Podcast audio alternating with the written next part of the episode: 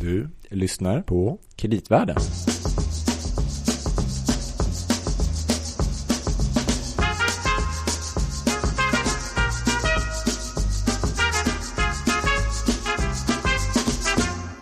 Gabriel, är du där? Ja, Louis. Ja. Jag, jag ser dig inte. Nej, jag ser inte dig så att det går på ett ut, höll jag på att säga. Ja, just det. Ska vi Jag har ett par veckor efter att vi spelade in förra avsnittet så eh, har det hänt en del. det har hänt en del.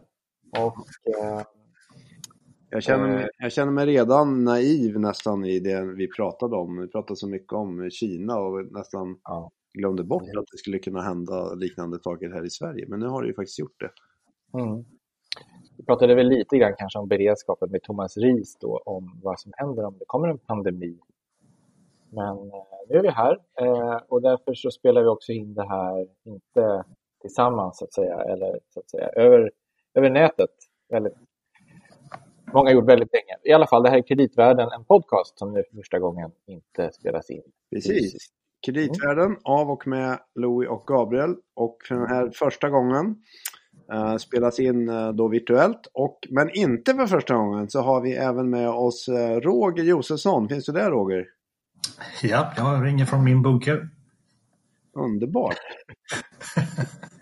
Hur, många års toalettpapperslager har du? Nej, Ja, jag, jag har också kollat in den där appen och det var så här 300 år eller någonting så jag ska klara mig. Då är i alla fall den biten täckt. Det var ju skönt att veta. Just det. Så även om vi två också kommer så räcker det hela hundra år. Så det känns ju rätt betryggande. Ja, jag tar med familjen. Ja, ja men det är bra. Ehm, vi tänkte ju Roger, du är ju kvar på Macrobond, eller hur? Jajamän, ett tag till.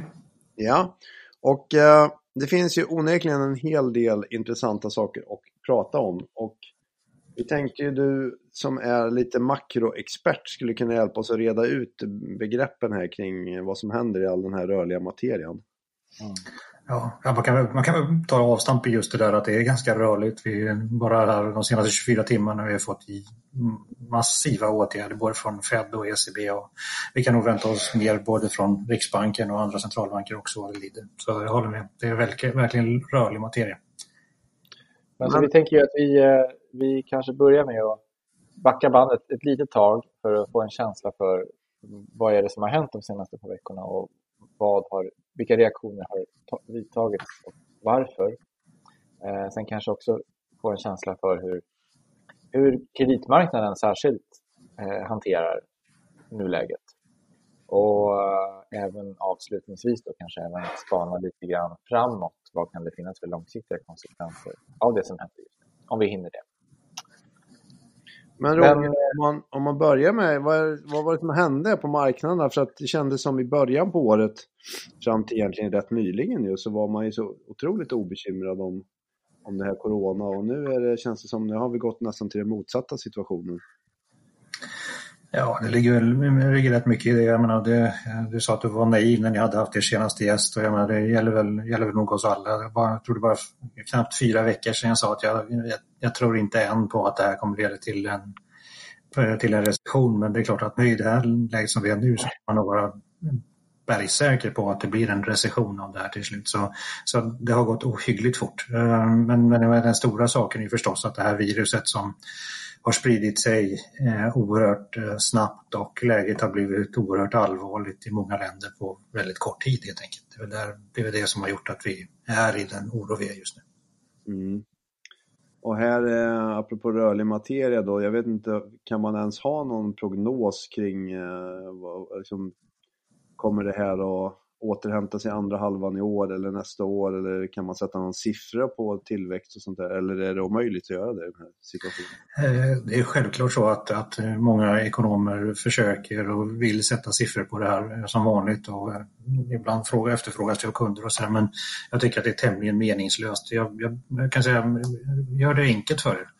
Eh, säg att en halva ekonomin står stilla i, i en vecka. Året har 52 veckor. Halva ekonomin det gör en procentenhet av BNP på, per vecka som, som det här kapar så länge vi har det här läget som vi har just nu. Så det är klart att det, det är en otroligt kraftig eh, inbromsning i, i alla ekonomier just nu. Sen tror jag också det är viktigt att understryka att det som skiljer den här, den här krisen, eller om ni ska kalla det från tidigare, till exempel finanskrisen, det är att här kan vi liksom inte säga att vi efterfrågar någon form av åtgärder från centralbanker och finanspolitik etc. Det är inte det som, är, som kommer ändra eller ändra förloppet på den här krisen. Det som kommer ändra förloppet på den här krisen det är ju att den medicinska krisen Eh, går över. Och det ligger som det ser ut just nu i alla fall ett par månader bort. Så, så det kommer säkert att vara ohyggligt stökigt under två månaders tid och då gäller det ju att vi gör precis de åtgärder eh, så att vi kan ta, eh, ta nytta av den här eh, återhämtningen, snabba återhämtningen eh, när den här krisen väl är över. Och det är därför det är så viktigt att finanspolitiken och penningpolitiken reagerar på rätt sätt med rätt åtgärder och i rätt tillfälle. Och så här långt tycker jag i alla fall, så ser det väl rätt okej ut. Men jag tycker det kan vara intressant, eh, bara för att liksom, ta ett steg tillbaka eh, och få en känsla för vad det egentligen är som händer.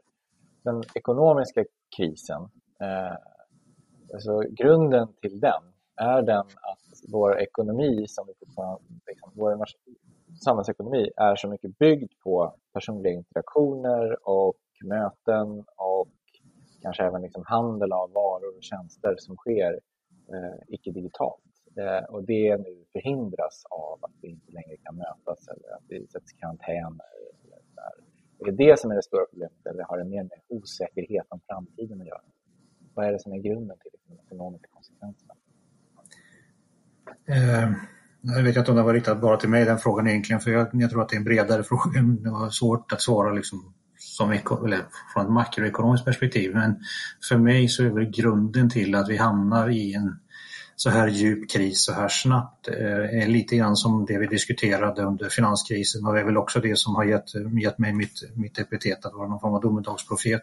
Och det är att jag, jag tycker att vi har alldeles för, för små vad ska jag säga, säkerhetsmarginaler i ekonomin företag, hushåll, många stater har helt enkelt inte buffertar för att klara av liksom någon form av likviditetsstörningar ens under kortare perioder. Det här är ju typexemplet. Jag menar även i Sverige som fortfarande får man ju säga har klarat sig förhållandevis väl där man inte har stängt ner liksom, eh, lika mycket så ser vi ju redan nu att många småföretag har det extremt kämpigt. Och det, det säger någonting om att liksom, felmarginalen i, i ekonomin är för låg helt enkelt. Och det är ju också en av de här sakerna som jag tror långs eller kommer bli de långsiktiga effekterna av den här, den här krisen. Det vill säga att vi behöver och kommer att bygga upp säkerhetsmarginaler i högre omfattning än tidigare. Och det gäller ju också givetvis supply lines och sånt, och sånt också. Eh, man kan inte bara förlita sig på en enda leverantör och att det ska vara just in time, utan man vill bygga in lite buffertar och i grund och botten tror jag att det är en sund utveckling. Men... Nu hamnade vi direkt i liksom det långsiktiga, men det borde ju också innebära att man måste ha en helt annan förväntning på avkastningskrav eller annat eftersom eh, om man bygger upp större buffertar så blir ju också ja, säga, eh, vinsten per eh, insatt krona blir ju allt annat lika lägre, eller håller du med? Ja, ja det är, uppenbarligen blir den det. Sen är det ju också så att många av de projekt som man ändå har lanserat nu, de kommer ju då inte heller att vara långsiktigt eh, eh, gångbara helt enkelt. Så det får man ju också vara med på. Det här, den här krisen kommer ju förstås att leda till Eh, en mängd utslagning. Det vi vill göra är förstås att begränsa att vi slår ut en massa företag som, eh, som skulle kunna vara lång, liksom, livskraftiga även långsiktigt. Så det, återigen, det är otroligt viktigt att vi gör rätt saker. Och det, är, Eh, här är det ju flera led och i första ledet tycker jag att det är viktigt nu att koncentrera sig som man faktiskt har gjort i alla de nordiska ekonomierna och även i Tyskland där man då har sagt att eh, men, vi ska se till att, eh, att eh, det inte blir något större inkomstbortfall så att folk, människor fortfarande och företag också för den delen i hög utsträckning fortfarande kan betala sina räkningar, köpa mat och så vidare. Däremot så tycker jag att man ska vara, särskilja lite olika åtgärder jag tror inte man ska börja ropa redan nu till exempel på en massiv expansion av finanspolitiken i termer av investeringar och eh, skattesänkningar och så vidare. Där man då syftar till att öka konsumtionen. Det tror jag inte är ett bra läge att göra just nu utan det ska vi nog vänta med till, till nästa läge när vi börjar få liksom se någon form av ljusning i den här medicinska eh, krisen. För att det, där, det är intressant, för att det är också det här med att det blir en efterfrågekris nu i och med att konsumtionen stammar av. Och då blir det väl i och för sig delvis en motsättning med, som du säger, att man bör försöka tänka att ha mer buffertar och så vidare. Men samtidigt kommer det ju bli enormt tufft för många företag att överleva överhuvudtaget nu. Så det känns ju som att deras förmåga att bygga buffertar tror det väl inte direkt öka av det här. Men den andra saken jag funderar på också, det är det här då, om man då går över och tittar på vad har vad satts in för åtgärder. Och vi kan väl strax prata om centralbankerna, men jag tänkte i USA då, just det här när man pratar om att dela ut checkar till hushållen och så vidare. Skulle man kunna säga då egentligen att det här kan ju i det korta perspektivet kanske inte, kommer inte kunna ha så stor effekt för att man kommer ju inte kunna konsumera någonting ändå, eller hur? Hur ska man tänka på den typen av jag skulle till och med vilja dra det så långt som att säga att vi vill ju inte att folk ska konsumera. Vi vill ju inte skicka iväg folk till restauranger och till, eh, till supermalls och allt vad det nu är för någonting. Utan vi vill ju att de ska sitta hemma och hålla sig friska och framförallt inte smitta ner andra. Det är ju det som det handlar om just nu. Det är därför jag tycker att det, det är, därför det är så viktigt just att, att man inte liksom bränner på med för mycket krut i det här läget. För det kommer liksom bara göra saken värre. Både tror jag medicinskt, fast det är mer en gissning från min sida, men också ekonomiskt eftersom vi då bränner mycket av det krut vi behöver i nästa fas när vi verkligen behöver få igång det här igen. Men du har ju helt rätt Louis, det är ju självklart så att fokusera på att folk får pengar och liksom inte sänka skatter för då missar vi ju en stor del av de som har det allra värst i samhället, de som står utanför arbetsmarknaden. Eh, så det är, det är väldigt viktigt att man gör rätt saker där och det är också därför jag ändå känner mig ganska eh, positiv som sagt, till, till de åtgärder som, som de nordiska regeringarna har gjort. Får man säga. Ja, men ska, vi, ska vi prata lite grann om det? Både jag tänkte vad som har gjorts uh, i USA från Fed. Uh, vi har haft stort paket från ECB. Uh, eh, och sen här i Norden har vi ju en, en mix av saker som har, som har skett. För tidigare så såg man lite kommentarer kring att penningpolitiken kan tänkas vara inte verkningsfull i den här typen av situation. Men vad tycker du om det Roger? Alltså, återigen, jag, jag, ska, jag vill väldigt gärna dela upp den krisen vi är i, i faser och för mig som sagt var så är vi nu i någon form av då, inledningsfas, en akut fas när vi liksom inte har någon koll på nästa läge. Och då tycker jag att det är ganska tydligt vad de olika liksom, politikredarna ska göra för någonting. Och för mig ska, pen, ska penningpolitiken se till att, att eh, livskraftiga företag helt enkelt överlever. Och här gäller det ju då att eh, eh, man då tar hand om så att företags och obligationsmarknaden i någon mån fortfarande fungerar men framförallt att inte bankmarknaden etc. fungerar tillfredsställande. Eh, så, så jag, tyck, jag tycker väl att penningpolitiken har gjort det förhållandevis bra så långt det nu är möjligt. Sen är det ju många, och det här tycker jag är ett, ett problem som både är på kort och lång sikt. Vi ställer ohyggligt stora krav på centralbankerna i, i, eh, både i Norden men kanske framförallt på ECB Eh, Eh, där vi liksom tycker att de ska ta över en stor del av det ansvar som egentligen tycker jag ligger på finanspolitiken. För det är finanspolitiken som kan sätta in det som kallas för targeted measure, liksom, där man helt enkelt då pekar ut den här, den här sektorn, de här personerna behöver stöd. Det har penningpolitiken ohyggligt svårt att göra för det är alldeles för trubbiga instrument helt enkelt. Och där måste finanspolitiken vara mer tydlig. Så jag tycker nog att, att penningpolitiken har gått så långt som den kan och behöver. Sen finns det ju, kan man göra det på andra olika sätt. Men, men, men, för mig handlar ju den frågan som vi kommer brottas med under de närmaste veckorna är ju helt enkelt vad kan finanspolitiken göra? Och då är det ju intressant att som vanligt kommer ju kreditmarknaden i centrum här när det blir sådana här former av situationer visar det sig. Mm. Eh, men om man pratar där med ECB, om man pratar först uh, kring stater lite grann, så där känns det som att eh, också som du säger, vad man gör och hur man agerar blir väldigt viktigt och det känns som att Lagarde trampade riktigt fel förra veckan efter ECBs möte där man lanserade en, mängd stödåtgärder men samtidigt sa han på presskonferensen att vi är, det är inte vår uppgift att hålla nere spreadarna och då stack direkt eh, Italien och, och, andra iväg. Eh, att man, hon sände där helt fel signal. Men nu har man lite grann kanske reparerat den skadan med det här enorma stödköpsprogrammet som kom här i natt egentligen, eller hur? Håller du med om det Roger? Ja, det håller jag med om. Det var, lite roligt för de gick ju direkt efter den där presskonferensen så gick de ju faktiskt ut och, och dementerade eller förnekade att det var det man menade.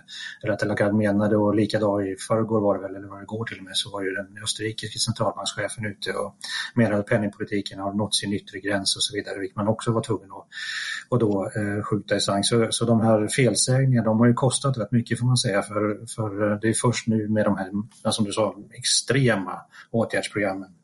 Så man igen då får ner spreadarna för Italien och faktiskt också för, för Grekland till exempel. Mm. Och där nu så har man ju även utökat uh, både att man kan köpa egentligen mer obegränsat kanske i varje land också, att man, man ska inte ha samma begränsning av att ha en viss andel av obligationer och sådana saker. Så för, för mig har det varit ganska tydligt sen Draghis sista, eh, sista paket här i vad var det, september. Då, att, att man snart ska hamna i ett läge där man då möter de här issue limits. Eh, eh, men samtidigt och, och, att man kan skjuta på dem. Men problemet här och nu är ju som sagt att vi är i en kris och jag tror inte marknaden vill ha den osäkerheten och därför är det bra att man gör det tydligt att vi kan liksom böja lite grann på de här reglerna. Så, så nu kommer man ju antagligen inom ganska, en ganska nära framtid att då köpa utöver ECBs eh, kapitalnycklar köpa till exempel italienska statsobligationer. Mm. Så man gör, jag tycker att ECB igen har gjort eh, väldigt mycket rätt efter en väldigt trevande inledning får man säga. Mm. Men det pratades, ju, det pratades mycket om det här med likviditet generellt och att till och med alltså, amerikanska treasuries har drabbats av eh, problem här med eh, att man såg vid någon tidpunkt i alla fall tioårsräntan sticka upp i USA. Det är väl också väldigt ovanligt att se den här typen av situation, eller? Ja, nu har vi ett par, tre dagar där amerikanska räntor snarast har gått upp. Eh, och det tycker jag är rätt talande. För mig är inte det kanske, det är många som, eller rättare sagt så här, om man vill tolka det negativt så är det för att nu har liksom även finanspolitiken slagit i botten. USA gick in i den här krisen med stora underskott och kommer nu att lansera massiva program som gör underskotten ännu större, vilket gör att statsskulden liksom exploderar och nu håller vi på att monetarisera statsskulden och allt vad det nu är för någonting. Det är den negativa tolkningen av det. Men min, min tolkning är nog mer eh, av det som och det sätt vi såg under finanskrisen, nämligen att det när, när vissa marknader fryser helt enkelt, när det inte liksom sker någon handel alls då, och det blir stora uttag ur fonder till exempel, så måste man ju sälja det som går att sälja och det som fortfarande går att sälja är ju höglikvida instrument som till exempel amerikanska treasuries och andra statsobligationer. Det du menar är att till exempel att man helt enkelt lämnar marknaden helt och hållet eh, oavsett vilken typ av värdepapper eller tillgångslag det är? Eller är det så att man behöver pengarna någon annanstans? Ja, man behöver pengarna oftast då för liksom att ge till, till andelsägare, fondandelsägare. Och det här är ju ett, självklart ett stort orostecken.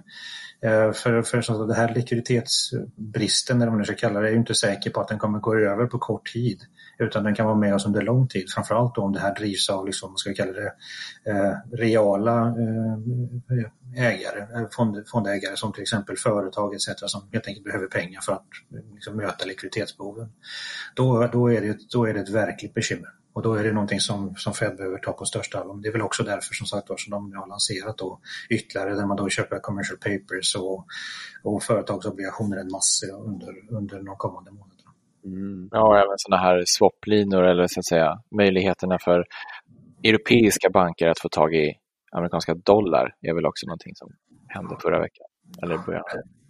Det är helt, helt rätt Gabriel. Det, är det, som är, det tycker jag är lite intressant i hela den här. Vi har liksom, nu är vi så fokuserade förstås på våra egna finansmarknader och så vidare. Men det vi också ser det är ju att de, de eh, emerging markets blöder ju nu kraftigt och en, ett, en annan anledning till att liksom treasury-räntor etc. kan gå upp det är ju att helt enkelt att de som inte då får tillgång till det som kallas för dollarlikviditet via swaplinjer, och det är ju ganska många länder, Sverige till exempel har det inte, eh, de kan ju då sälja en del av sina innehav i treasuries för att bara få tillgång på, på US dollar, dollarlikviditet.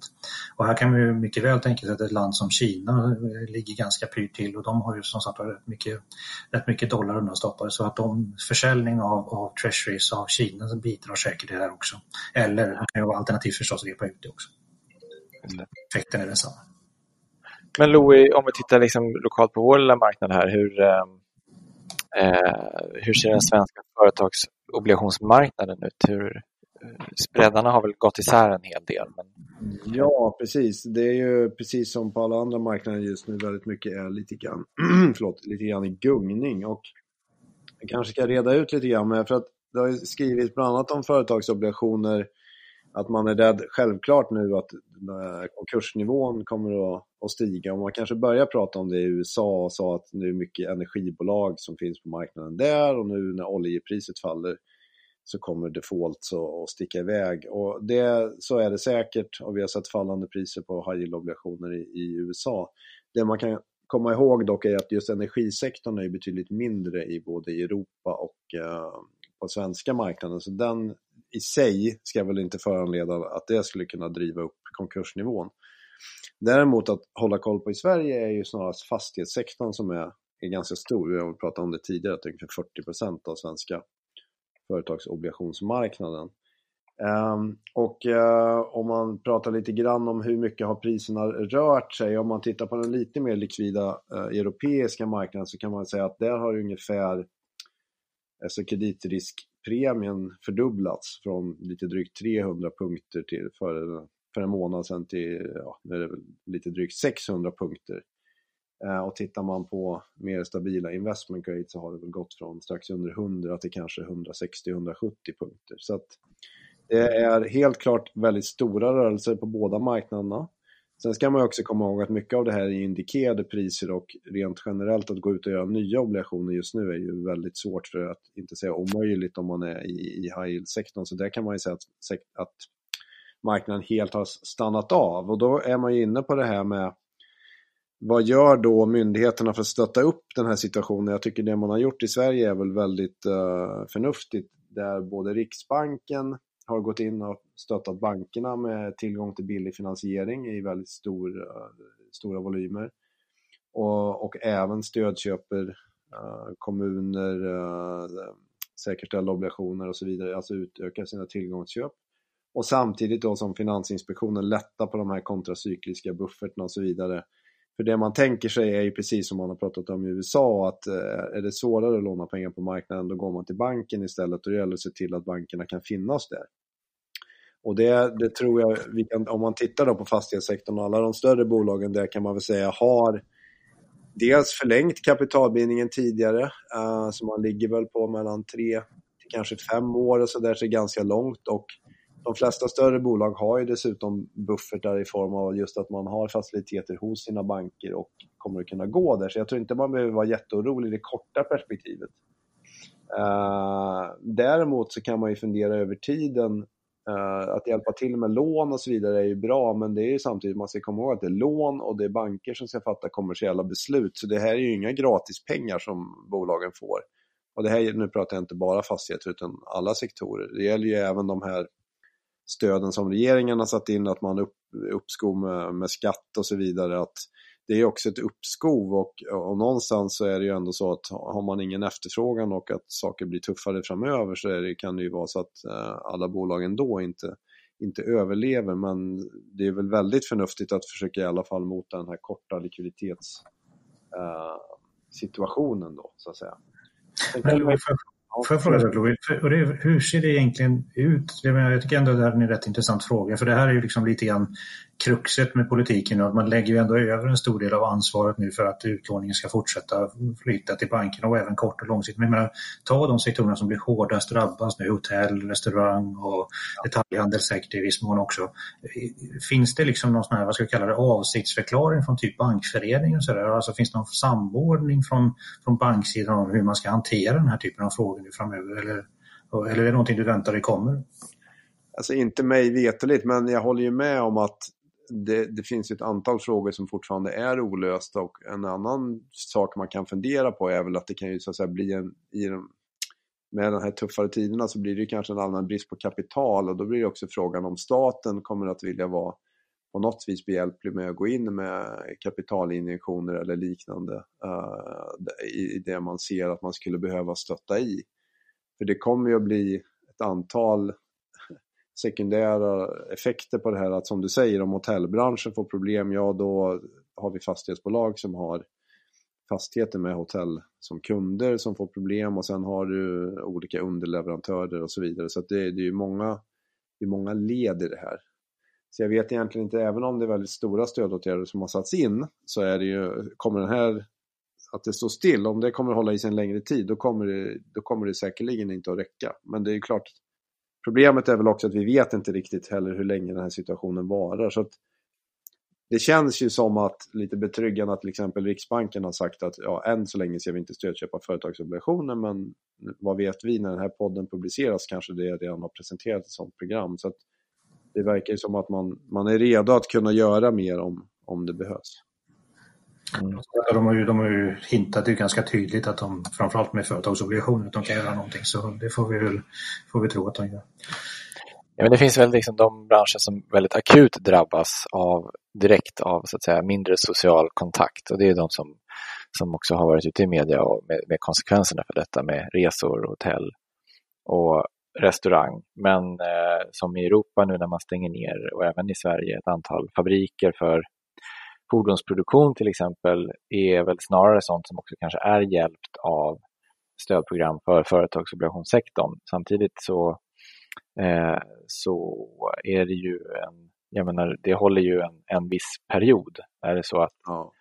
alla globala varutransporter stänger ner under ett kvartals tid så räcker ju, som ni är inne på lite grann också, inte heller bara likviditetsstöd som du var inne på Lo, utan det krävs ju någonting annat också. Och då är frågan om staten som, eller det, offentliga ska gå in mer offensivt med kapital. Liksom, eh, vi fick också den här frågan på Twitter. Är det, eh, ska man ha, kräva någon motprestation då från företagen eller ett, ett ägande eller någonting i utbyte mot sitt kapital?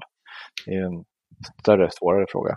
Ja, men om man tar 90-talskrisen som exempel så var det väl precis det man sa. Då ska, ska staten gå in med kapital, då måste vi också kunna få till exempel ägande och få en del i en eventuell uppsida om vi nu ska hjälpa till det. För att det här är ju en ganska svår fråga. Men om vi, om vi tänker oss ett fall där ett bolag redan innan det har haft en tuff situation, kanske varit högt belånat och så vidare.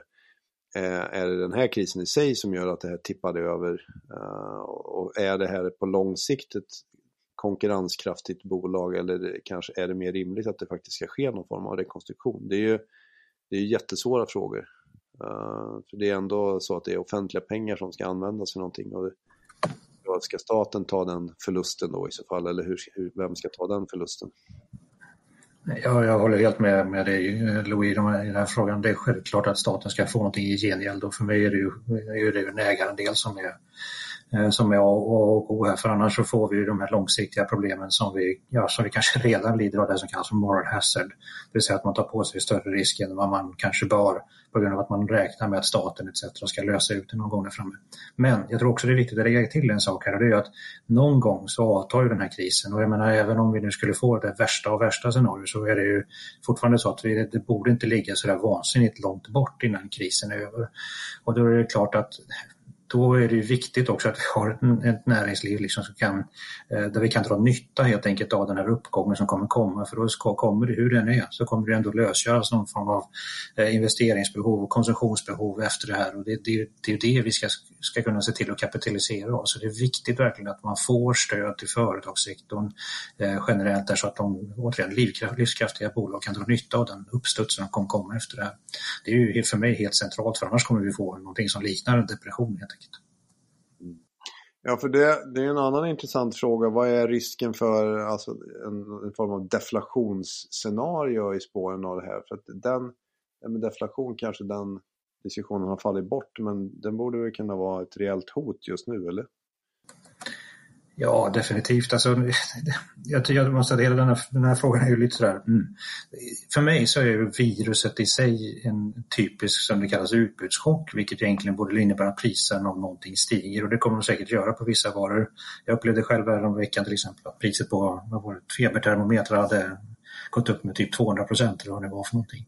Men, så, så, så det finns sådana, men det är klart att så fort det liksom vi nu tar bort möjligheten att konsumera och folk blir arbetslösa och, eh, och så vidare så ökar ju förstås eh, liksom, den här så kallade efterfrågeeffekten av det här.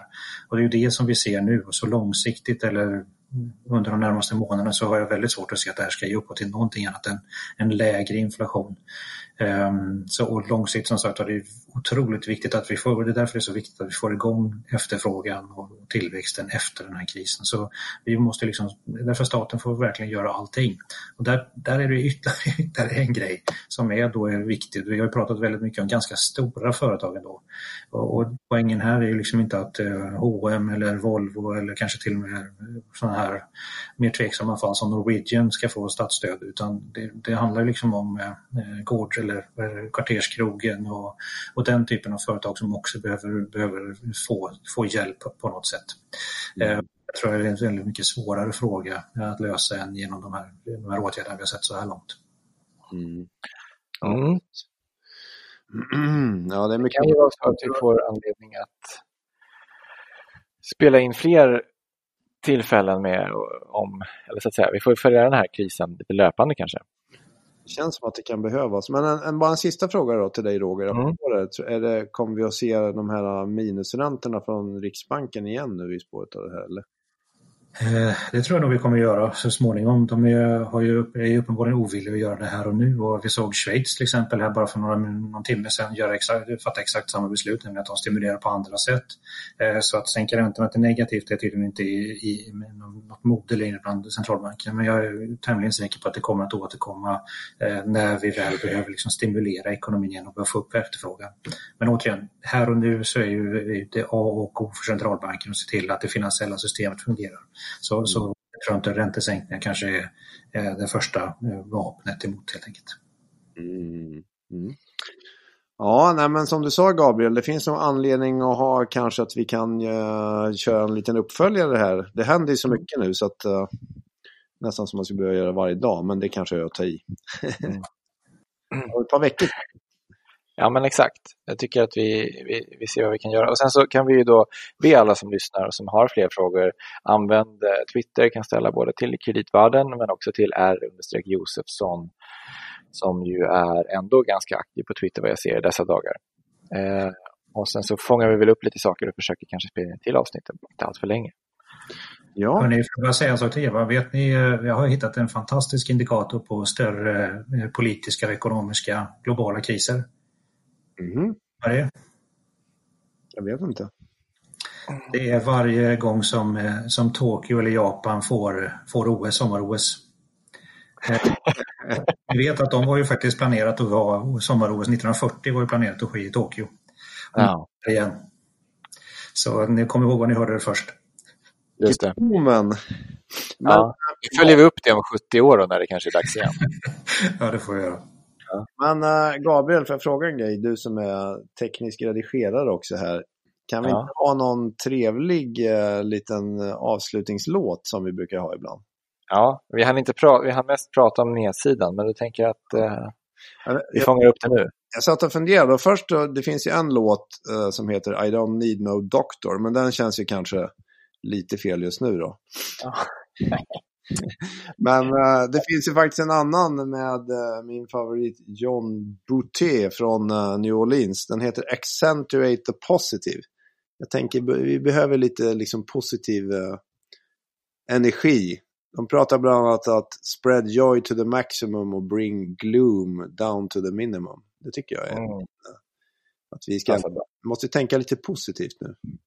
Det är så lätt ja. att grotta ner sig i den här bunkern. Exakt.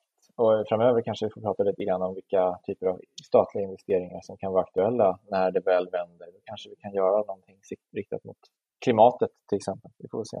Mm. Mm. Accentuate positivt. Här kommer den. Tack Roger så himla mycket. Och Louis, som vanligt. Stort tack! Tack själv Håkan. Vi hörs. Accentuate the positive eliminate the negative and latch on to the affirmative don't mess with Mr. In Between. You gotta spread joy to the maximum, bring gloom down to the minimum. Have faith, or pandemonium is liable to walk upon the scene to illustrate